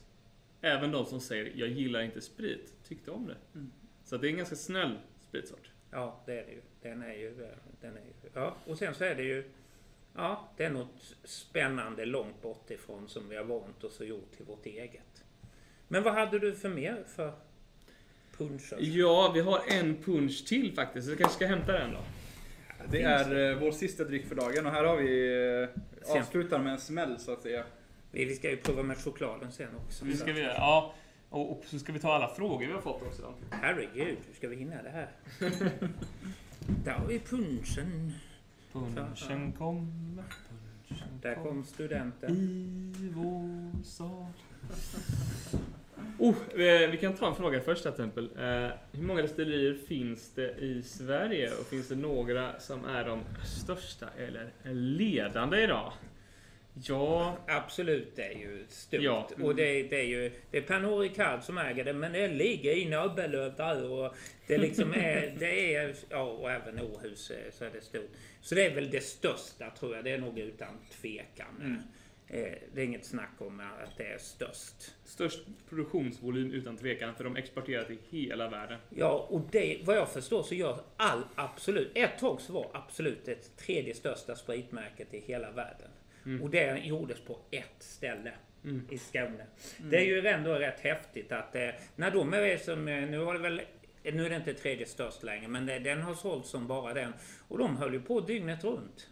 Och åker man förbi den här st- destilleriet, ja det är ju en stor, stor, stor kolonnpanna. De ville bygga den ännu högre, men det var låg för närma flygplatsen. Så den ville bara vara 70 meter hög pannan och sånt. Så att den är ju liksom... Ja, och, och high tech. eh, Det, det, ja, det, det är en upplevelse. Den är, Så det, det är ju ingen tvekan, det måste vara störst. Mm, mm. Eh, vi gjorde ju lite research inför det här för att eh, kontakta ett gäng olika destillerier för att hitta just småskaliga destilleriers juldrycker då. Och eh, ja, visst, vi pratade med Absolut, men vi tackade faktiskt nej. Vi tackar gärna ja till andra tillfällen med Absolut, men, men i det här fallet så kändes de lite för storproducerande. Men jag tror att vi kanske ska hitta det kanske en, en 30-tal ungefär. 30-40-tal eh, destillerier i Sverige. Och s- som vi pratade om tidigare här så gör ju inte alla sin egna råsprit. Utan vissa massererar helt enkelt. Utan de köper in spriten och sen så kokar de in sina kryddor. Och vissa gör ja, från scratch egentligen. Från råvaran. De gör mäsken, de eh, destillerar den. Och de fortsätter att masserera den med olika andra eh, kryddor och vad de nu vill göra av det. Till exempel gin i det här fallet, som väldigt många gör.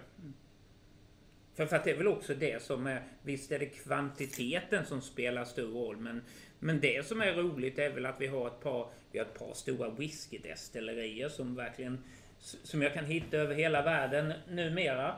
Eh, och eh, ja, Tärnu Gin. Eh, jag menar när jag var uppe där för tio år sedan, nej, det är åtta år sedan så var det ett litet ställe. Nu har jag inte varit där på ett tag, men jag tror det är helt annorlunda idag. Så även om jag inte vet kvantitetsmässigt så vet jag att Sverige är på väg kvalitetsmässigt. Mm. Där är vi, eh, där är vi spännande. Det är vi onekligen. Jag tror vi ska gå vidare till eh, nästa dryck nu. Mm. Eh, Pierre har slängt in den i vårt egna övre vänstra hörn. Nej, här Jo, nej, men vänstra här måste det vara va? Nej, men jag tror faktiskt den är här uppe. Även, även om den är där borta så tror jag att den är här uppe. Där man kan se Bellmans punch. Där är Bellmans Precis. punch. Eh, nu ska vi dricka eh, Bellmans punch, vilket jag tycker är en, en väldigt rolig eh, dryck. Och framförallt varför jag tycker den är rolig, jag, skulle nästan vilja be Pierre, kan inte du vända på den här flaskan så alla får se att de faktiskt har satt in en krok på baksidan av den här flaskan. För att den här flaskan och den här, eh, vad ska man säga, emblemet som den sitter fast i är så fint att du ska kunna hänga upp det här på din vägg så här. Och så kan du liksom bara ha det i ditt vardagsrum. Så tar ni fram lite punch när ni tycker att ni känner er lite extra Jag skulle, inte, jag skulle ändå inte rekommendera att försöka hänga upp den. Det finns risk att den ramlar. Den väger ganska mycket. Ja, men jag tror ändå att de har gjort hålet så att den ska kunna hänga. Annars hade de inte gjort det där hålet, eller hur? Vi, Vi, vi, vi kan väl säga att det här är en eh, punkt som verkligen är stolt över sig själv och skäms inte för sig. Nej. Det är ju, eh, och eh, jag kan sträcka på mig återigen med punchen här för att fatet som det har legat på. Och det är inget litet fat det här utan det stod en av de här gamla Bellmanliggarna är faktiskt från museet. Så vi lämnade över den för ett antal år sedan. Så den har legat. Det här är jag ska inte gå in för mycket på det, men ekfatens historia, det byggs en gång, i, en gång ner i tiden, tror jag den byggs i Frankrike har jag för mig. Sen kommer den hit och så får den vara i Stockholms slott, slottets källare. Många, många år stod den där och lagrade punsch och eh, sen så småningom så åkte den upp till Sundsvall och sen så var den i Örebro och sen höll den på att glömmas bort någonstans. Och så, så till slut så räddade vi eh, det här fatet och satte den i produktion igen. Så när ni dricker ett sån här punsch så har ni faktiskt en liten smak av flera hundra år tillbaka. För smaken finns i faten. Det är liksom när det ligger sån här så går det in i faten. Det är ju därför vi alltid tjatar fat och whisky och sånt där. Mm, Mm. mm. Men här har vi liksom, ja. Vi kan väl säga att vi känner lite av det kungliga slottet när vi doftar på denna här. Och där har det hänt både ett och annat kan jag säga där i de här källarna. Så det är nog spännande. Nej men det här är ju fantastiskt. Ja. Ja, det, det Kulturhistoria. doftar eh, riktigt bra. Alltså gud vad spännande smak. Den var söt men den bet av på något sätt liksom. Den var inte sliskig alls. Liksom. Den var det- komplex ändå. Ja, den var Mm. lite komplex. Men, men gud vad god den var. Men, men jag tänkte också, man, eh, i, den, den punschen innan sa jag den är mindre söt och det kunde man köpa. Men, men här får vi ju the real thing. Mm. Det är ju faktiskt att det är ju sött. Mm. Det är inget snack om saken. Vi, vi gör en smakresa tillbaka. Mm. Så detta är väl en av de antika dryckerna Ja. idag igen. Som, eh, det är spännande, verkligen. Det, det, du drog i princip igenom all Ja, information kring den här. Och det är ju det är jättebra. Det är ju verkligen, eh, vi får höra det first hand information liksom, som har varit med i den här resan. Eh, Men den ska ju vara från det här Faderbergs ekfat. Den ska vara extra torr. mm. Och eh, man har sötat den här lite försiktigt med honung och eh, muscovado. Mus- hur uttalar man det? Muscovadosocker. Nej, jag vet verkligen inte om Ja. jag Jo, det uttalar så. rätt, Ja. Och eh, precis som du sa så låg ju den här eh, väl oanvänd från 1800-talet fram tills egentligen 2013. när Och akaciahonung kan man väl också tjata om lite. Ja. Eh, Både te och sånt där i Den det. låter Ja, det väldigt verkligen mycket. exklusiv alltså. Ja, och det är Bataviarak, äppeldestillat, lime, eh, muscovadosocker, svart te, akaciahonung och sen har de vatten från sin egna brunn i Norrtälje bränneri där den här kommer ifrån. Och det, punsch betyder ju fem. Mm. Så det var ju en i ingredienserna i punschen som man blandade. Här har vi ju till och med lite till faktiskt. Men det är ju, eh, ja. Om vi ska tänka på våra släktingar förr i tiden så, så var nog detta den ultimata lyxen. Men jag, jag kan fortfarande tycka det är häftigt att här sitter jag och dricker en punsch som har legat i dessa faten. Och kanske min farfars far drack en punsch som har lagats på samma fat. Ändå rätt häftigt alltså. Mm. För det är mycket smak i världen kan vi aldrig få. Men det som är så häftigt med sprit och alkohol överhuvudtaget, det är att vi kan bevara smaker från en annan tid. Mm.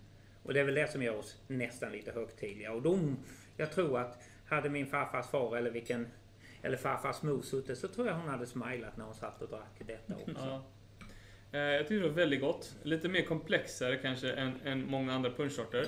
Eh, Men också lite starkare kanske. Lite, lite kraftigare smak på något sätt eh, tycker jag det var. Spritmässigt vet jag inte. Det är väl ungefär, vad brukar det vara liksom i punsch? Men det är en 20, Det här är 20 28, 30. 28 procent i den här. Ja. Vilket är ändå starkare än eh, många andra punschar. Ja, det är säkert. Vad har vi bakom det där på lilla spritfabriken? Hur mycket hade de i, hur många procent hade de i sin? Mm. Snapphanepunschen tror det står på framsidan. är 26 procent. Så det är Mm, inte så. okej. Ja, lite starkare. Men, men jag, jag tycker bara man ser de två flaskorna bredvid varandra. Coola snapphane där med lite stilen och sånt där. Medan den andra är lite mer klassisk. Mm. Det, det går igen lite i smakerna. Och Håller ni med mig om att det passar till julen att ha lite punch? Ja, ja. Ja men det här är ju, ja, det här är ju en smakupplevelse. Det är Mm. ju. Det är svårt att säga att det är småskalig destilleri när man snackar om ett fat som är nästan världskänt så här, men, men det är ju verkligen det. Ja, alltså det är inte stort när man är, är på Norrtälje bränneri. Och det är väl därför vi... Det var väl därför jag tyckte när ni kom med detta förslag, sitta med här. Det här är ju verkligen se Sveriges små destillerier Mm, som vi har gjort mm, idag. Vi har verkligen gjort en rolig resa. Det här är ju entusiastiska människor. Annars hade de ju inte eh, försökt dra igång ett gammalt fat. Mm. Det är ju, det är ju jättehäftigt det här. verkligen. Hörrni, jag tänkte kan vi inte ta en liten chokladbit till här? Och eftersom vi är, vi är väldigt svenska här idag så har vi, då sitter ni och tänker allihopa, vad ska de bjuda på nu? Jajamensan, choklad från Arvika. Så jag tänkte vi skulle börja med här. Eh, då är det råchoklad som gör att det blir lite tuggigare. Ni får komma på en provning om choklad om ni vill veta mer om det. Men det är lite tuggigare. Men jag har lite salt i denna också. Ni vet, man blandar helt plötsligt. Så kan vi inte ta lite, prova hur funkar detta till den väldigt söta punschen? Så du får ta här. Tack, tack. Du, jag, måste säga, flika in, jag fick ganska intressanta kommentarer innan vi lämnar punchen helt och hållet Mm, faktiskt.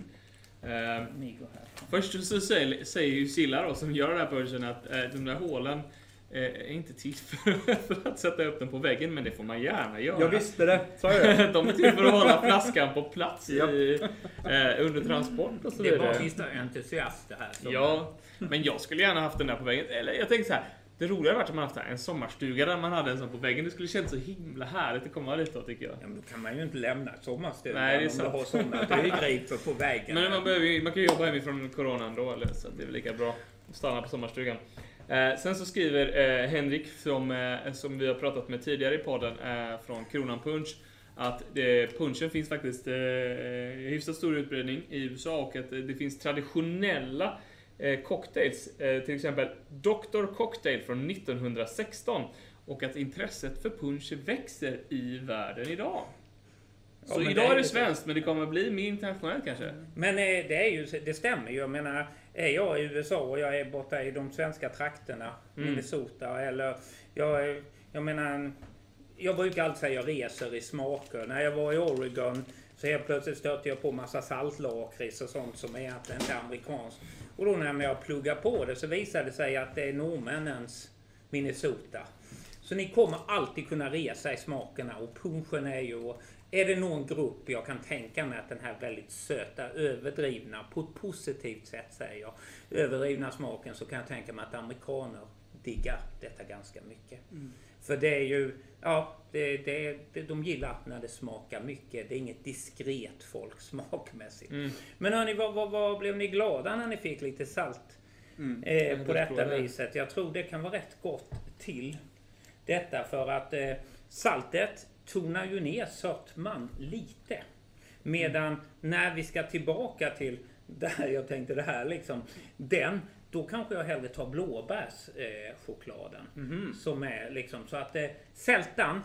Jag skulle rekommendera till en punch om ni har det till en efterrätt och sånt. Bara litet korn sälta på på något sätt så, så mjukar upp den här kanske brutala sötman. Men ja, det är en smaksak. Men det, Du säger brutala sötman alltså. Jag, jag tycker ju om den.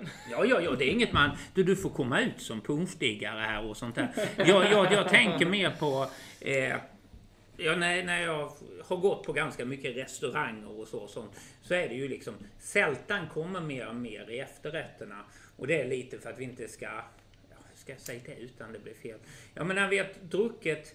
Förr i tiden när vi hade såna här klassiska måltider så åt man, åt man, åt man och till slut så kommer efterrätten och så tog man ett väldigt sött vin eller sött punsch och till slut bara så däckar man. Och numera så tycker vi det är lite trevligare att vi är med fortfarande en stund. Och det är då vi liksom helt plötsligt gör lite sälta och sånt på efterrätterna för då känner vi oss lite fräschare Ja. och sånt där. Så det är därför lite man kör på den stilen. Mm. Men äh, ja, Eh, vi har fått några eh, fler frågor här. Vi fick en fråga. Kan man vinna årets destilleri? Eh, finns det någon sån tävling? Känner ni till det? Nej, det, däremot så har det ju funnits whiskyfestivaler och sånt utnämnd i årets whisky och sånt där. Men just årets destilleri, nej. Nej, jag har faktiskt inte heller hört om det. Jag tycker det är en ganska intressant eh, fråga faktiskt. För att jag tycker att väldigt många destillerier skryter om de olika priserna och de har fått den bästa ginen i den här tävlingen eller bästa brännvinet i den här tävlingen. Men årets destilleri har jag inte hört alltså. Det har varit kul. Det är kanske Spritbollen som ska utse det i framtiden, vad säger du? Bra idé! Och då kommer bara det. vinna hela tiden. Nej, även om vi Vi är älskar vi är så tycker vi två i om... podden så det går att balansera upp. Vi älskar mycket annat också. Eh, det gör vi. Eh, det är väl jag som är lite extra kär i punch kanske. Punchpodden ska vi starta. Nej, det är det inte. Jag ska se, finns det några fler frågor här? Att eh, Henrik skriver här igen att det viktigaste i en punch är balansen och eh, jag håller med honom. Alltså det, det, så är det väl i många drycker liksom. Det kan bli för starkt, det kan bli för sött, det kan bli för fel. Mm. Men eh, balansen är ju väldigt viktig liksom. Eh, Det är inte den sötaste punchen som är godast, det är inte den eh, starkaste punchen som är godast, utan den som har bäst balans liksom. Och han skriver också att det är inte bara svenskar som dricker punch idag. Eh, Nej, men det hörde vi också med att eh, det är liksom trendigt utomlands och vi hoppas verkligen att vi får se mer av det här i nästa Hollywood-film, eller vad säger ni? Ja, vi, vi, Nya Bond-filmen. Ja, Dry Bond Martini dricker så- punch. Så ska han ha Bellmans punch. Ja, jag, jag bara får förklara en viss sak också. Att punch i många ställen i världen är inte riktigt samma blend som den som vi kallar punch. Men visst, det drivs Nej, men jag det- tror, jag tror att den heter Swedish Punch Ja, ja. ja. utomlands. Det, det, punch är en Mm. sak, men Swedish Punch Ja. är en annan sak utomlands. Så att det är, det är ju den här, ja, håll, ja vad ska vi säga, eh, indonesiska grunden. Mm. som har hittat hem till Ja, oss. men vi, vi pratade ju om Kronans Punch Mm. i något avsnitt tidigare. Och de exporterar ju supermycket Mm. runt om i världen. Mm. Och, och sen, sen så, så sa vi också att eh, här hade vi väl lite äppel också i någon av dem och det är ju ett, ytterligare ett sätt att, och, och göra det. Då, då kan jag ju onekligen hålla med om att det är svenskt när det är Apple som kommer. Astrakhan eller vad det är för något som vi hittar. Men hörni, vad var det? Skulle vi prova? Jo, men vi provade, skulle prova eh, en annan choklad tillsammans med den här saffrans... Det var ju den Gyllensnaps. där. Gyllensnapsen från Värmland. Från eh, Ja. eh, Värmland. Nordmarkens destilleri. Och, men det, och, och det, det passar jättebra eftersom denna är från Värmland också. Arvika chokladen. Så nu är vi nästan hemma i Värmland alltså. De kanske, de kanske borde i, i, införa ett samarbete där när de ändå bor så nära varandra. Ja, och det, Ja, det här är... Ja, ja, vissa fixar till det för sig. Eh, nej, men det är väl det här... Eh, nu har jag valt en choklad utan sälta, utan denna gången. Och det hade vi en diskussion lite i början här, blåbären. För det är ju något som vi skilde på långt norrut. Men här har vi blåbär från eh, eh, Värmland också. Mm. Och eh, ja, det här... Här finns blåbärssmaken och Mm.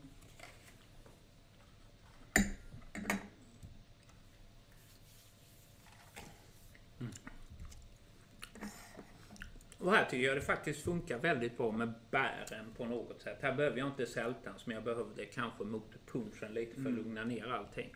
Utan detta är ju, helt plötsligt leker vi med aromer igen. Ja, men det är faktiskt, faktiskt. Det är det som är så bra med en råchoklad. Mm. Är att den är lite mer tuggig för man får inte hetta upp det så mycket utan det får inte gå över 40 grader i tillverkningen. Därför blir det mer tuggigt. Mm. Så att det gör att, ja, lite mer av allt. Mm. Ja, eh, jag tror faktiskt inte vi har så mycket mer att ta upp idag. Är det inte så? Nej. Nej. Vi har gått igenom 12 olika drycker. Det gick ganska fort. Två olika choklad också. Mm. Vi Mm. har kämpat. Det har inte varit vi. så jobbigt men vi har Nej. kämpat. Det har varit trevligt, absolut trevligt. Det är jättekul att eh, ha er som tittar med oss idag. Det var jättekul. Ni får jättegärna skriva fler frågor till oss på Instagram eller eh, genom eh, Facebook. Eller numera här även genom vår nya YouTube-kanal. Eh, berätta för oss vad ni tyckte om provningen. Den kommer också komma ut som en podd om ni vill dela med era vänner som kanske inte har tid att kolla på en video. Eh, vi vill tacka Nadja så jättemycket för att du ställde upp med Tack att... för att jag eh, fick vara med. Ja, eh, och så vill vi tacka egentligen alla destillerier som också var villiga att vara med. Vi pratade om Stockholms bränneri, Klocktornets destilleri, Norrbottens destilleri, Skånska spritfabriken, Tevsjö destilleri, Bergslagens destilleri, Nordmarks destilleri, Kyrkeby bränneri, Boge bränneri, Snälleröds, Lilla spritfabriken och Norrtälje bränneri. Ja, det är Vi bra reste runt i hela landet. Ja, Ja, verkligen. eh, jättekul att ha er med och eh, vi, tills vi ses nästa gång, glöm inte att kolla upp oss på sociala medier och eh, ha en fortsatt trevlig december och jul. Ja, vi får väl önska en god jul också här Ja. när vi ändå har er här framför oss. Absolut. Det, det är väl fantastiskt. Tack till Spritmuseum också för att vi fick vara här. Välkomna hit. Skål! Skål! Vilken ska man skåla i? Skål! Den eh, du gillar brukar Pierre skåla i. Jag tittar här där ute.